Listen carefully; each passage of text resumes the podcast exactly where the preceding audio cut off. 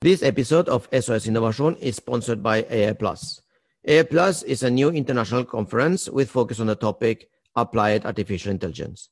The digital conference was held for the first time on 15 to 17th of September 2020, and the second edition is set to 19th to 20th of May 2021. Here we are with uh, Christopher Coelho. He is data scientist at Elvia, one of uh, our sponsors at the AI Plus conference this year, 19th and 20th of May. And uh, Elvia is a silver sponsor. So it's, uh, it's an honor to have you here, uh, Christopher. Thanks for the introduction. Christopher, can you tell us a little bit uh, about uh, Elvia? They are because you are uh, what can I say? You are not. I mean, you're you're just incorporated, but you are not a, a, new company. So, can you tell us a little bit about Elvia? Absolutely. So, on the first of January 2020, Hafslundnet and Eidsivanet got, in a sense, an upgrade, and have together started uh, the Norway's latest adventure in the grid industry called Elvia. So Elvia is Norway's largest electricity distribution system operator, or like DSO in short. Okay. So our role uh, is to operate, plan, and maintain the electrical grid to the deliver power. Infrastructure. exactly correct. Mm. Very, very well. And uh, Christopher, uh, what will be the subject of your speech at the AI conference? So in my presentation, I will discuss how ML and AI are changing today and will change in the future the distribution of electricity. So DSOs uh, are presented today with a kind of a cocktail of challenges and opportunities. On one hand, uh, there's like the electrification of the society, best exemplified with the boom of electrical vehicles in, in Norway, for example, which creates a new mindset for us to operate the grid and the infrastructure correctly. But on the other hand, we have new data sources available um, to us. Smart meters in our homes, chip sensoric, advanced imaging techniques uh, like LiDAR, drones, satellite imaging. So combining this with ML and AI algorithms, we're able to extract the knowledge and insights. And I will talk about all this. Very well. And, and this will be absolutely necessary because uh, we have, uh, as, you, as you mentioned, the electrical vehicles and other uh, other um, uh, devices of uh, new generation mm. that mm. of course can if we don't know if we don't do something can uh, become a liability for uh, for the grid absolutely yes and uh, this new data um, that helps us to to to challenge like to um, to improve ah, to improve, yeah, to, to face these challenges. That's mm. what I mm. was trying to say. To face these challenges, uh, this new data will really benefit uh, all the divisions of Elvia. We will be able to be, for example, wiser to use the existing grid capacity or planning for better grid. Uh, we'll be able to optimize the maintenance of the assets, uh, predicting faults, for example, due to extreme weather, which happens quite a lot, or even a bit more in longer term to, to operate real time the grid using reinforcement learning, which is one of the AI techniques that uh, that uh, is uh, being developed these days. Uh, very good. And uh, just the last question. I mean, why do you think that uh, professionals should attend the AI Plus conference this year? Yeah, so really, I think if you want to hear about how Norway um, is invested in ML and AI, both at the country level, but also at the industrial level, at the, at the professional level. I think AI Plus conference is the gathering to attend. Um, I've been attending this last year, and I will be very happy this year to attend as a as an active person. Thank you very much. Fantastic, Christopher. Then uh, we will meet then there at the AIA Plus uh, conference this year. And uh, I will remind, of course, uh, all uh, all our uh, listeners that yeah just just um, register yourself for uh, this year's uh, most important conference on AI, applied AI, and this will be the AI Plus conference this year, 19th and 20th of May. Thank you very much, uh, Christopher. Have a good day. See you on the 19th. See you on the 19th. Thank you very much. Bye. Bye. Hei, og velkommen til en ny episode i podkasten SOS Innovasjon, som er Norges første interaktive podkast av innovatører og for innovatører. Og igjen er det et panel med prominente figurer innen innovasjon, digitalisering, teknologi, teknologiledelse og entreprenørskap som skal svare på spørsmålene fra dere lyttere. Mitt navn er Salvador Baye, daglig leder i Intellis og rådgivning innen innovasjon og teknologiledelse. Og jeg er også partner for mentoring og investor relations i Agrator, inkubatoren for en renere, bedre verden. Denne gangen, og som sist, har vi i panelet, og det er en ære, har vi i panelet, i panelet Øyvind Husby, som er administrerende direktør i IKT Norge, ikke minst. Og her kommer en annen heavyweighter, Alexander Hanning, som er senior vice president i Digital Innovation i Posten. Velkommen begge to igjen. Takk skal du ha.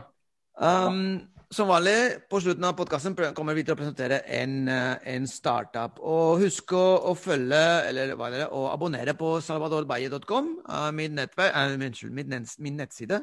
Der dere kan, eller vil bli varslet når en ny podkastepisode kommer, og dere kan lese mine blogginnlegg om innovasjon og teknologiledelse helt gratis. Dere kan selvfølgelig også følge denne podkasten på enten Spotify eller Apple Podkast. Og jeg vil minne lyttere om at dere kan sende deres spørsmål om innovasjon, teknologi, teknologiledelse, entreprenørskap til salvadorbaye.com. Lenken finner dere i podkastbeskrivelsen. Eller dere kan poste spørsmålene i, på Facebook-gruppen SOS Innovasjon. Eller sende meg en SMS. salvador.baye.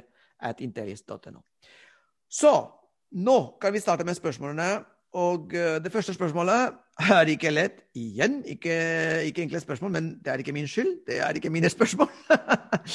og uh, vi kan starte med det første, som er er data også IPR, altså Intellectual Property Rights, og skal det behandles som sådan? Og uh, jeg, vet, jeg er sikker på at begge, begge dere har veldig mye erfaring med, med hvordan man, man, hva gjør man egentlig med IPR. Og, men jeg vil starte nesten med deg, Aleksander. Du, altså, du, jobber med digitalisering primært. Digitalisering er, by definition har en tett kobling til data og bruk av data. Ja. Hvordan, hvordan, ser dere i Hvordan har du sett behandlingen av data i løpet av din karriere, eller, eller i posten der du er ja. senior vice president nå? Hva, hva, gjør dere med data? Er dere betraktet som en, en, en del av, det, det intellektuelle av eh, intellektuell eierskap, eller, eller, eller, er vi fortsatt ikke der, både i Norge og resten av verden? Jo, altså Data er utrolig viktig for oss. og så synes jeg Det er interessant, for det er veldig mange som snakker om big data og maskinlæring. og sånne ting, og Så begynner man å grave, og så er det veldig få selskaper som faktisk har stor nok data. og i hvert fall Den ja. største stublesteinen er jo datakvalitet. Det du ikke masse data hvis det er masse feil i dataene. Da får du, får du, ikke noe verdi ut av det. Så Posten jo, sitter jo på utrolig mye data, eh, fordi vi har vært eh, her i 373 år. Eh, og slagordet til Posten er jo 'ingen kjenner Norge bedre'. Men jeg, jo, jeg prøver jo å pushe markedsføringsavdelingen til å endre det til 'vi vet hvor du bor'. Funker bra mot leverandører. Så bruk oss! Nei, altså Vi sitter på mye sensitive data, adresser osv. Men, men, og det er det jo selvfølgelig stor begrensning på hva vi kan bruke til, som det skal være med GDPR. Men det som er interessant, er jo de dataene vi kan bruke. Eh, og det går jo på de som ikke er knyttet til personer. Eh, og informasjon om alle de pakkene og de, eh, all den logistikken som flyter gjennom Norden som vi styrer hver dag, er utrolig verdifulle data. Og nå siste, bare de siste to årene så har vi begynt å faktisk få businessverdi ut av det, utover som standardanalyse og planlegging av bemanning, mm. men virkelig få helt nye innsikter som gir verdi. Og vi må beskytte de dataene, for de gir oss en konkurransefordel, eh, naturlig nok. Eh, og så er det jo noe med det at man, man, ser på kan man selge de dataene i aggregert nivå eller samarbeid. Så en sånn tanke som, som jeg syns er interessant, er at det er jo ingen som har flere kjøretøy i Norge enn Posten. Oi. Og hvis vi da setter sensorer på de kjøretøyene, og da kan vi begynne å selge data eh, om veiforhold, trafikkforhold, vær, vind. altså Det er jo utrolig mye man kan bygge på toppen av sånt datagrunnlag. Dere blir mye bedre enn eh, Google eh, Maps, da, fordi dere, dere har en kontinuerlig oppdatering av disse dataene. Fordi dere har kjøretøy hele, hele tiden der ute på veien. Ja, Istedenfor jo... Google som gjør det en gang iblant, ikke sant? Helt riktig. Vi dekker jo hele Norges befolkning, så vi er ute til hele Norge hver eneste uke, flere ganger i uka. Så mm. det, det, skaper jo noen helt nye muligheter. Og så kan man også se på hva slags type tjenester kan vi bygge på toppen av det datagrunnlaget. Ja, kjempebra. Og det, der eh, eksperimenterer dere mye, det vet jeg. Og noe av det har dere lansert allerede. Så du er big fan, altså. Og så går vi over til, til Øyvind uh, med samme, samme, spørsmål. Altså, Øyvind, nå, du, nå sitter du i, altså, som uh, administrerende IKT Norge. Jeg tipper at dette er et spørsmål som dere driver med dag inn og dag ut. Hva gjør vi med alle de dataene som vi genererer i Norge?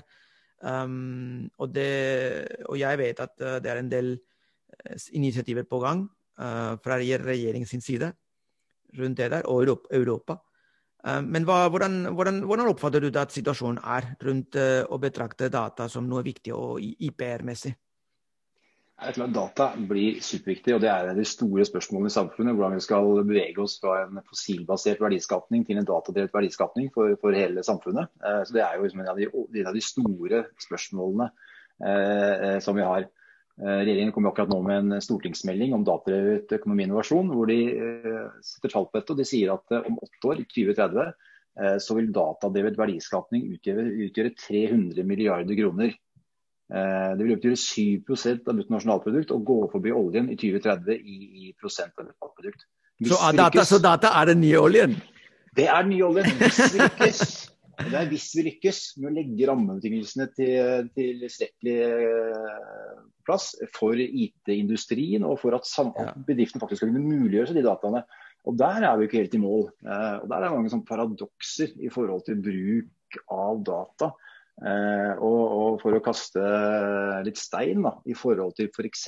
For altså Europa er kjempeopptatt av dette. her, eh, og, og Hvis du tar GDPR, eh, som intensjonen alle var enige om, at det var for å beskytte persondata, og det ville være en mm. konkurransefordel for Europa å ha mm. gullstandard innen dette, så kan man spørre seg om det faktisk er det som har skjedd, eller om at det som har skjedd er at De store selskapene har nå bedt om samtykke for å bruke data til hva som helst. og Vi trykker ja, for de vil ikke bli kastet av Snapchat eller Facebook. Mm. Mens mange norske selskaper tør ikke gjøre det, fordi bøtene er så store hvis man bryter GDPR. Mm. Så Det som har skjedd er at, man, eh, at uh, ofte små selskaper, men også store norske selskaper, ikke tør å bruke kapitalisere de dataene de faktisk kan gjøre. Fordi de, de tør ikke, og juristene sier at du må ikke. og du faller tilbake på kjernevirksomheten istedenfor å se de nye innovasjonene du kan bruke med data. Det er litt med at Hvis du skal eh, bruke data på en helt annen måte, så må du, så kan, må du spørre om hensiktsbruk av data. Du vet kanskje ikke helt det. da. For I morgen kan du bruke data på en helt annen måte. Så, så det er et sånt lite paradoks i hele den, eh, den eh, GDPR-problematikken som jeg syns ikke er diskutert godt nok i forhold til at vi skal kunne bruke dataene til det beste for bedrifter og samfunnet framover. Altså, De som følger meg på LinkedIn og andre sosiale medier, så vet de hva jeg syns om GDPR. Eller også på, på, bloggen min. Og nei, til og med i E24 hadde jeg en, en artikkel om hva jeg syns om det, og hvorfor jeg syns at det er mulig at vi trenger privacy, men det er veldig mulig også at vi, det er ikke GDPR som er den beste, den beste løsningen. Um, men ja um, hvordan, uh, Men uh, Alexander, er du enig med, med, med dette at vi, vi, vi, må som samfunn så må vi være flinkere til å, til å bruke data og, og at eh, vi har noen hindringer i Europa på veien dit? Helt klart. Nei, jeg tror det... Ah, unnskyld, jeg, jeg mente Aleksander. Beklager deg, Øyvind. Aleksander? Nei, jeg vil jo si heller at det er en fordel. Altså, ja, det har vært en omveltning nå, vi må tilpasse oss dette regelverket. Men jeg mener jo dette kommer definitivt til å bli en konkurransefordel på sikt. Eh, ja, okay. Det ser vi allerede nå eh, i en del sammenhenger at det er en konkurransefordel. Eh, og det er nok en til tross for Snowden og andre ting, så er det nok en manglende bevissthet rundt hvor mye data som faktisk samles inn, og hvilken type data som samles inn hele tiden. Mm. Som folk ikke vil finne seg i hvis de hadde visst det. Og som selvfølgelig kan bli utnyttet av kriminelle. Så det, det tror jeg faktisk er en fordel, og at vi klarer Men, men jeg tror utfordringen for mange selskaper er at de ikke Altså de, de ser på dataene sine, og så prøver de å få til noe rundt maskinlæring eller på andre måter, og så snakker alle om at data er ny oljen, så skjønner de ikke ja, men dette funker ikke for oss. Uh, og hvis vi ser på data som ikke er knyttet til personer, da, men type andre, andre typer data som man står mye friere til å analysere og aggregere og bruke, uh, så Det tror jeg er en stor utfordring. Å lære opp uh, norske og nordiske bedrifter i hvordan få verdi ut av dataene. Og Der er det få som, som lykkes, men la oss lære av de som lykkes. Mm. Så mener du at, eller mener dere at ja, data er viktig. Data er en del av den intellektuelle kapitalen i et selskap. Um, og det skal behandles som sådan, men de Ja. fleste vet ikke helt ennå hvordan de skal gjøre det. Og Ja. ja, hvordan kan vi hjelpe dem, da? Men du kan også snu det rundt, eh, Salvador. fordi jeg okay. tenker, man må, Det er ikke sånn at man, man kjører forretningsutvikling, og så lager man noen, noen tjenester og produkter eller hva man gjør for noe i bedriften. Og så henter vi ut noe data og så gjør vi noe etterpå. Man kan faktisk snu på det og begynne å tenke på dataene. ok, La oss starte med dataperspektiv. Hvordan kan vi designe dette så vi får de riktige dataene, så vi kan bygge en tjeneste. Jeg tror Der er det utrolig mye å hente, og man kan strukturere det særlig mot GDPR. At man henter inn riktig samtykke, man har behandlingsgrunnlag, man gjør ting på en, en eh, veloverveid måte helt fra starten av, som gjør at man kan bygge tjenester som man kanskje ikke ser i dag at man kan tilby. Mm. Eh, Øyvind? Ja, jeg er helt enig. og det, det, går på, det går igjen på ledelse og viljen til å gjøre det, og ha en ambisjon om å bruke dataene. Så kan man innhente på rett måte. Eh, og se og, og forstå at, eh, at hvis man innhenter og bruker data på rett måte, så kan det ha vært utrolig verdi for selskapet. Men hvis man ikke har bevisst forhold til så kommer ikke det flyte på en fjøl eh, og, og materialisere seg eh, av seg selv. Eh, så man må erkjenne at det er faktisk en egen kompetanse, det å forstå nytten av data og hvordan man skal bruke det også. Ja. Og så er datakvalitet, eh, og det krever også forståelse i ledelsen. At de, de fleste ja, men ledelsen ser at det er masse data i selskapet, hvorfor kan vi ikke, får vi ikke vi ting som andre får til?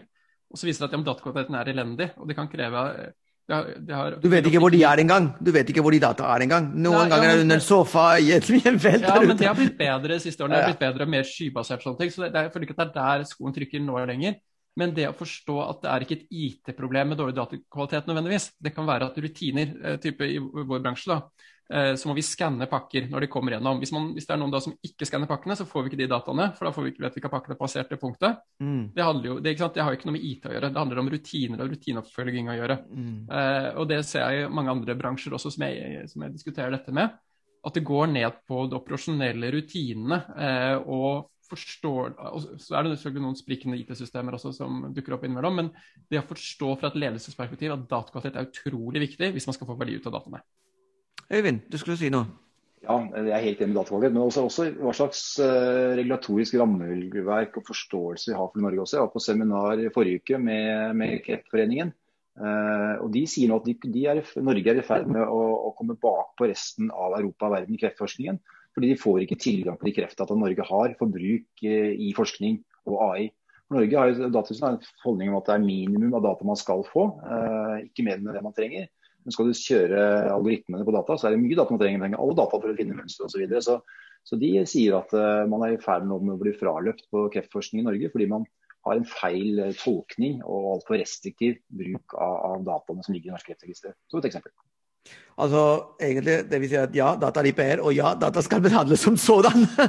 For det er, det er et konkurransefortrinn. Behandlet riktig.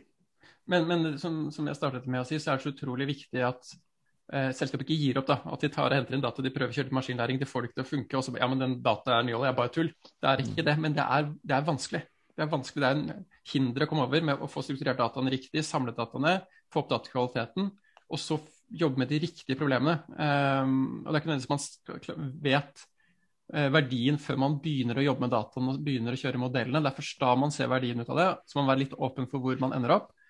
Men hvis man lykkes med det, og det ser vi i Posten nå, nå har vi lansert en tjeneste eh, som vi kaller for ETQ internt. Altså vi estimerer når pakken din er klar for henting i Post i butikk. Det høres veldig banalt ut, men dette gjør vi i kjøpsøyeblikket i nettbutikken. Ja. Og da vet vi egentlig ekstremt lite om den pakka. Eh, Vi vet postnummer fra, det er jo lageret. Postnummeret til, eh, det er jo din post i butikk. Og tidspunktet på døgnet. Det er de tre dataene vi har. Og så skjer det utrolig mye med den pakka. Den skal pakkes på lageret, den skal hentes på et tidspunkt. Den skal til én terminal. Vi kjører derfor med bil til en annen terminal. Vi kjører fra terminalen ut i en post butikk. Og selv da kan du ikke hente pakka. Det er først når personalet skanner inn den pakka. Det er da du får den hentemeldingen.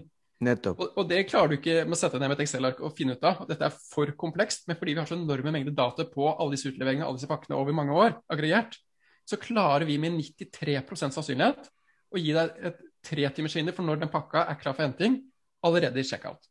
Og dette, Hvis du går på elektroimportøren.no, så ser du denne ETQ-funksjonen som vi har tilgjengeliggjort for alle nettbutikker i Norge i dag. Og det er ikke sånn at Vi vi gjør ikke en eneste endring i hvordan vi frakter den pakka. Men bare å bruke data og maskinlæring, så gir det helt annet verdiforslag når du i checkouten i butikken ser at den er på min post i butikk i morgen etter klokken ti. kontra om tre til fem virkedager, som det ofte står i nettbutikker. ikke sant? Så vi Ja. verdiøker den tjenesten enormt, bare bruker data og maskinlæring. Og Det syns jeg er utrolig kult. Kult som bare det. Eh, Øyvind, du rakk hånda.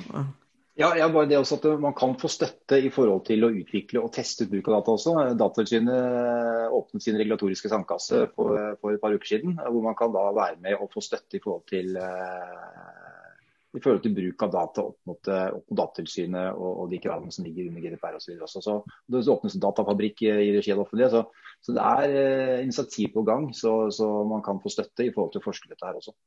Det var, det var et veldig, veldig bra avslutningspoeng.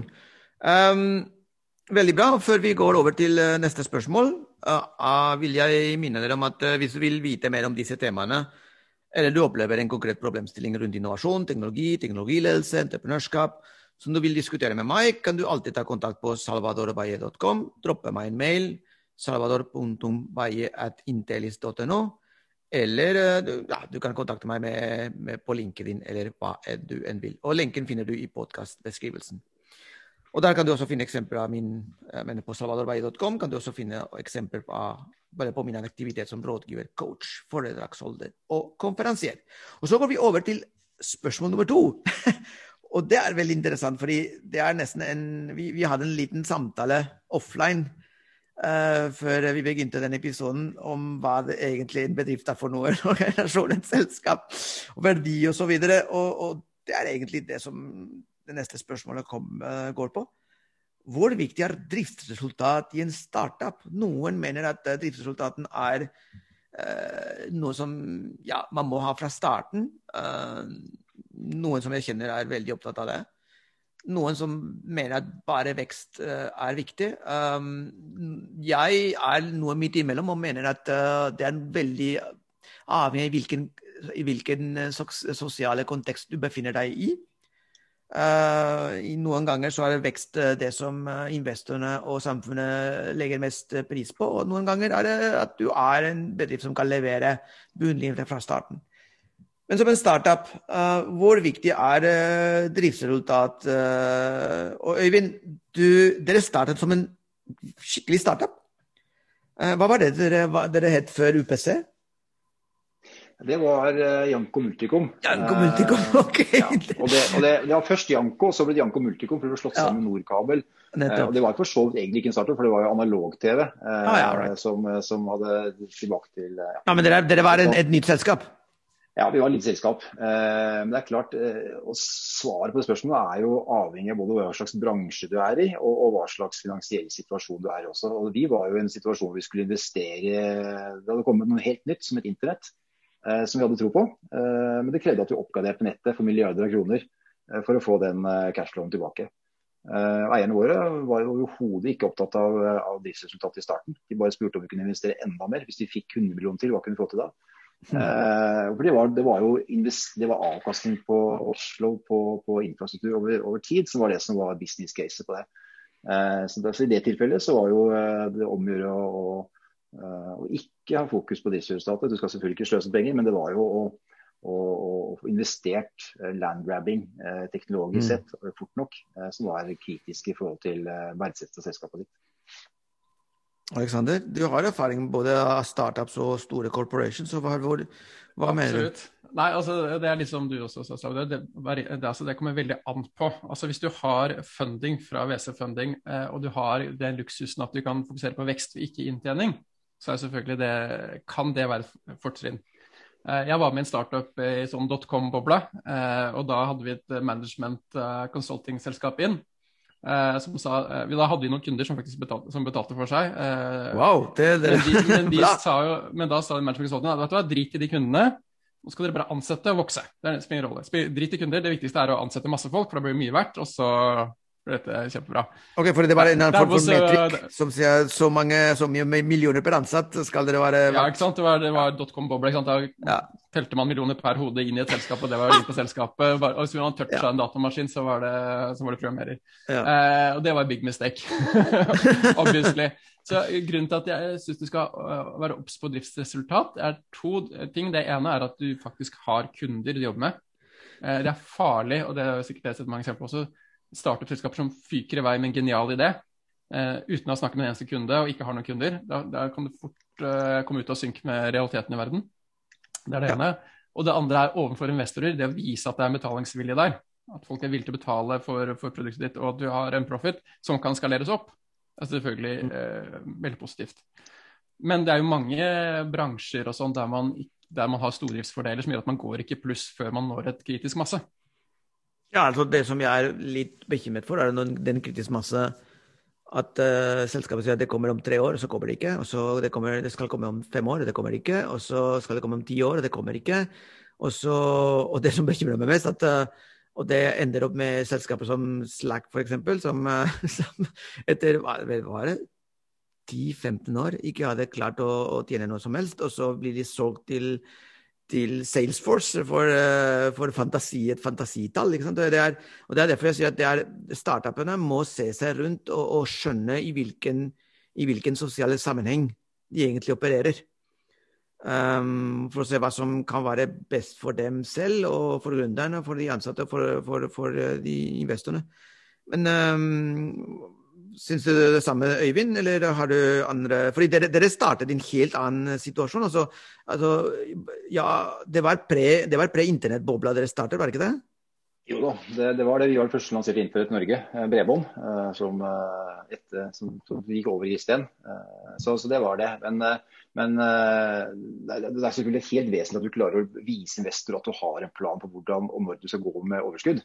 Ja. Eh, at du, kan, at du, kan, bevise at den, den, verdiforslaget du har, faktisk er noe som kunden skal betale for, og at det er mm. margin på det. Og, men, eh, men, i en startfase da, så vil det være en større verdi å klare å, å skalere uh, denne businessmodellen raskest mulig. Da, eller skalere den for å kunne få de, de cashflowene på sikt.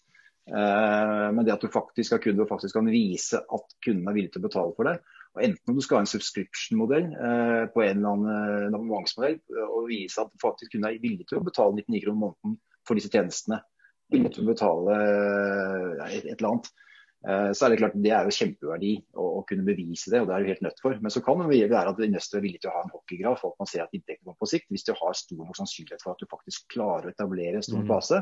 Mm. Helst gjerne på subscription, som jeg kommer fra, som jeg syns er veldig bra. Eh, eller, det er veldig bra. det er fantastisk bra. Det er en fantastisk business, og alt bør være det. Og alt går mot det også. Eh, så, så, så, kan du tillate deg, hvis, hvis, du har kapital, og ikke, ikke gå med drivstoffskudd i starten, men men det er sannsynlig at det kommer til å bli veldig stort om kort tid. Da, eller om en viss antall tid. Og så må du levere på det. Hvis du stadig utsetter den leveransen fra når det kommer overskudd, så vil jo investorene bli, bli trøtte og leie, og ikke du være med lenger.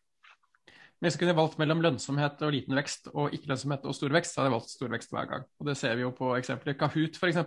Mm. De hadde jo ikke noe inntektsmodell i starten, det ble enormt store. Nå har det vært eh, fryktelig mye penger. Mm. Clubhouse, ikke sant? de er jo ti ansatte som har klart å bygge det som jeg tror er verdens mm. raskest vokste sosiale nettverk, eh, med fantasillion i, eh, i verdivurdering.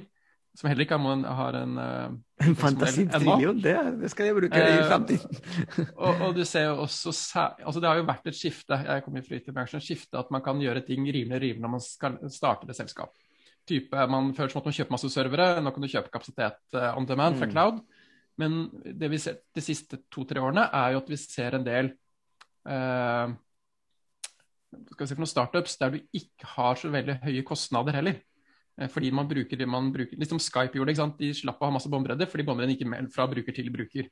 Mm. Når du får til den type ting der du har veldig lav scale-up-kost, eh, og du ikke har en måte å tjene penger på ennå, men du har enorm vekst, Yeah. Det er utrolig spennende. for du kan alltid, Google også hadde jo ikke noe tanker rundt hvordan de skulle monetisere det når de lanserte sin, sin søkemotor opprinnelig.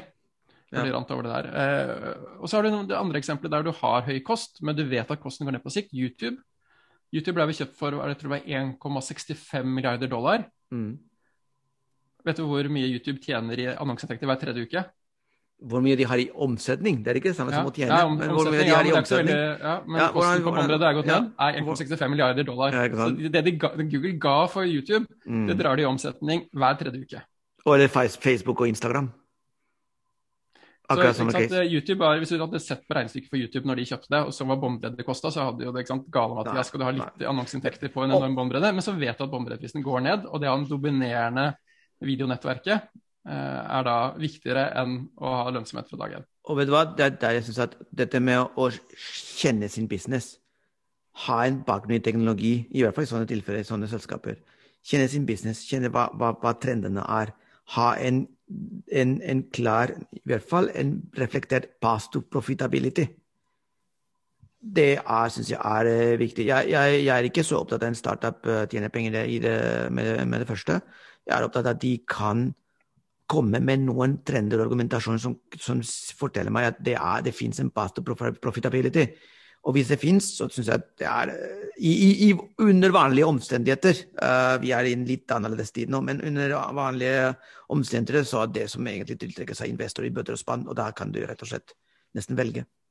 Mm. Um, Øyvind, ja, og så er det som, eh, som, sier også at det er eh, startup-kostnaden for å etablere en, en, en, en, businessdag er utrolig små. Og det er utrolig enkelt i forhold til hva det var for kort siden. Kort tiden både ja. pga. cloud og pga. at du kan kjøpe tjenester på Fiverr, konsulenttjenester, at du kan kjøpe alt mulig.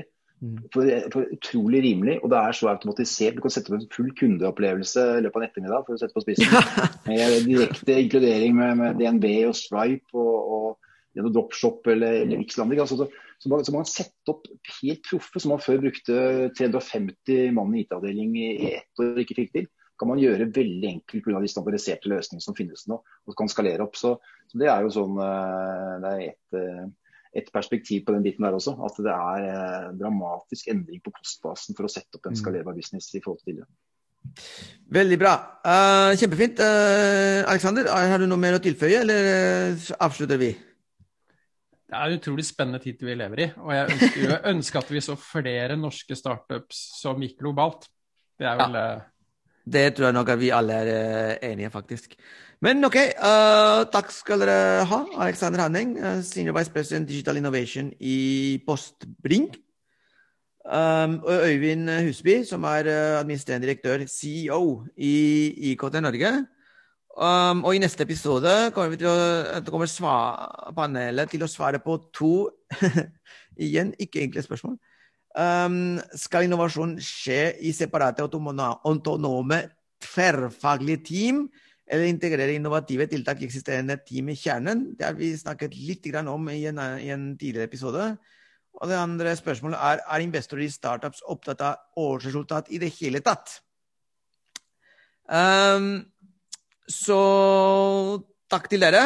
Og uh, nå er det selvfølgelig tid til å presentere denne episodens uh, feature startup. Takk skal du ha. Takk skal du ha. Takk.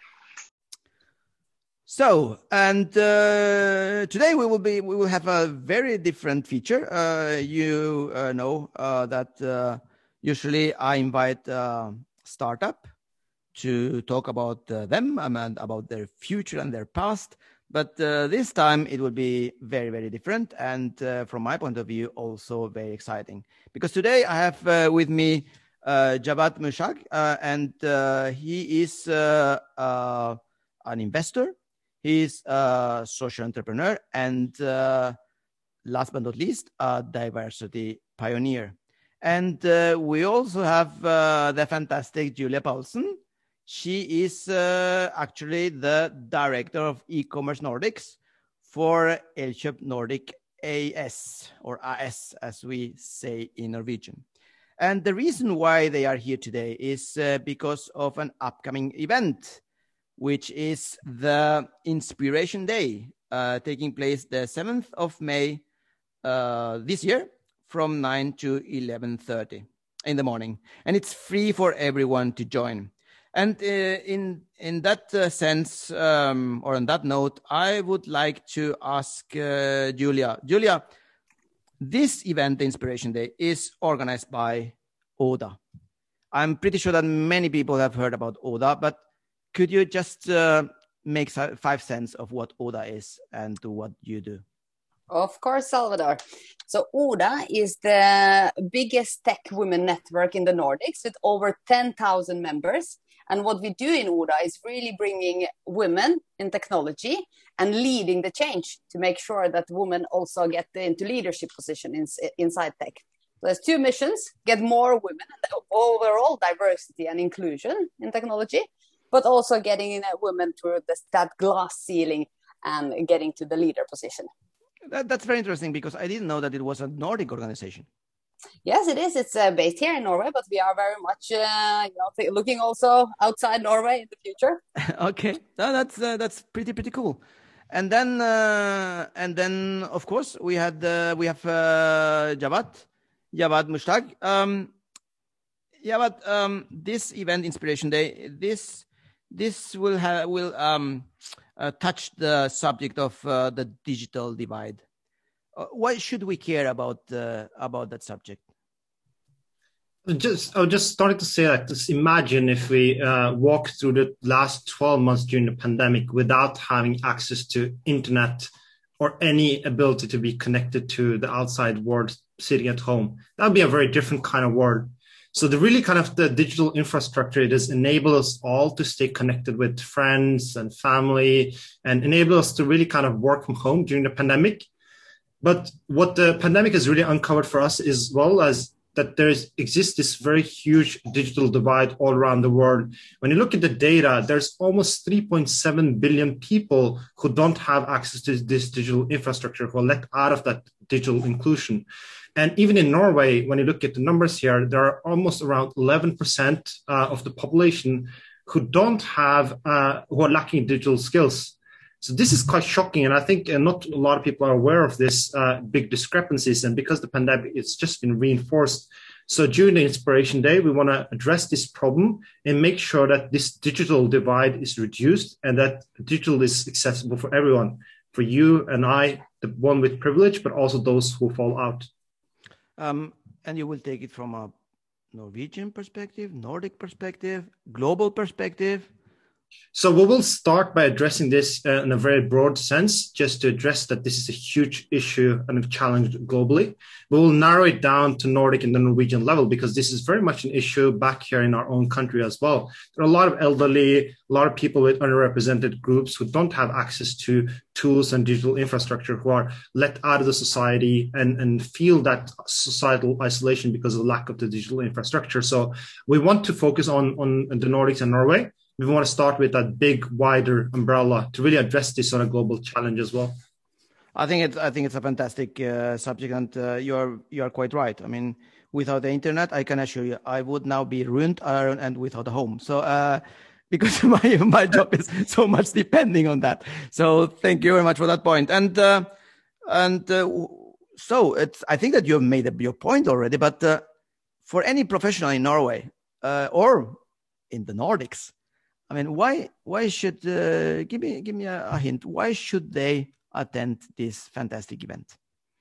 Well, that's a very good question, Salvador. We have a very nice lineup of uh, world-leading speakers on the topic. So we are going to have very different angles from Nikolai Tangen and Age Bakker coming and talking about how actually Oljefondet, I don't know if you did know, knew this, but they're actually running the business a bit like an innovative startup using agile framework and uh, basing things on data and having self-running teams, which I found very interesting. So it's very inspirational to hear people talking about digital divide from different angles. We have Karen Dolvar from No Isolation. We have Jo Nesbø coming. And, uh, you know, that man is uh, extreme talent. So he has a, a, lot to offer to discuss about how you actually can utilize digitalization uh, different ways uh, and move ahead in your career in the different direction. So we have very nice lineup of good speakers. And what I think is the most interesting part of this webinar is that uh, we are actually going to be very also practical. What can we do? Everyone can actually go and impact. So I actually wonder, Salvador, you know, we are here in your innovation podcast. Uh, okay. Let's do a little retrospective. okay. I think. I okay. think. Uh-huh. So if you think about digital divide and bridging that digital divide, what would you say would you we all can start, stop, and continue doing that okay. we show that we can all make an impact. What do you think? Uh, I'm thinking it's a, it's a great idea. And if you ask me, I mean, if and I, I think about a little bit about myself and what, what I can do to, in order to help uh, bridging the digital divide. Um, I think that uh, I, am It's interesting. I, I'm. I've been talking about uh, uh, making a special episode to, together with Alexander Hanning, which most of uh, people know who he is. He's the senior vice president for uh, digitalization at um, at Boston. And we've been talking about uh, having one uh, common episode uh, on management and innovation. I think that that would be a fantastic uh, opportunity to talk about this and uh, to challenge each other and to see if we can come up with uh, some ideas around that.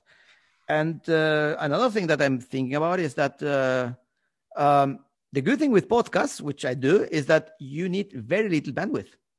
So even if uh, countries, lands, and, and regions of uh, of countries that, um, uh, for the most part, have very good uh, uh, very good connection to the internet and very high speeds, um, there are also as as uh, as Abad said, there there are always some bags of population that have some problems with that. And you know what, with with a podcast, you can you can bridge the gap and you can you can teach, learn, and inform and communicate about how about uh, digitalization, innovation, and and how to create value on on that. And what about the, you guys? What are you going to do in order to you know to start start uh, doing something with uh, with the or against the digital gap and and uh, the, and stop doing things that we sh- maybe shouldn't stop and uh, continue doing the good things. Mm. What do, what, uh, yeah. I can start with what we can stop doing. I think we can stop uh, thinking that this is just a global problem that doesn't exist here in Norway. There are a lot of people who are impacted here. So I think we have to all take responsibility and kind of understand that if we really want to take our country to that next stage and stay competitive in mm. uh, not only in digital world today, but also with the, against the competition that is coming and is already here, I think we have to acknowledge the issue I think what we should continue doing is uh, keep on learning. We have to be curious. We have to continue learning. You can never stop uh, being curious about technology. Never be afraid of technology. Kind of just jump into it and always ask, okay, why and uh, what's next? How can I become even better? Yeah. And I think starting point. I think it's uh, something with us who are actually privileged to have the digital knowledge. Uh, we should share it Mm. You know, it goes without saying sharing is caring, but I think here it's extremely important. Everyone can make a difference. I was once having a food massage, and the lady had just started her company, and she had no idea how to set up her website and make a good uh, keyword structure for SEO ranking. And okay. you know, it's normally quite expensive for those small businesses to actually hire uh, someone to fix it for them. So during that one hour session, we had fixed her digital strategy, fixed her website, and I got some, you know, nice olive oil as a return. So I think everyone can do a difference.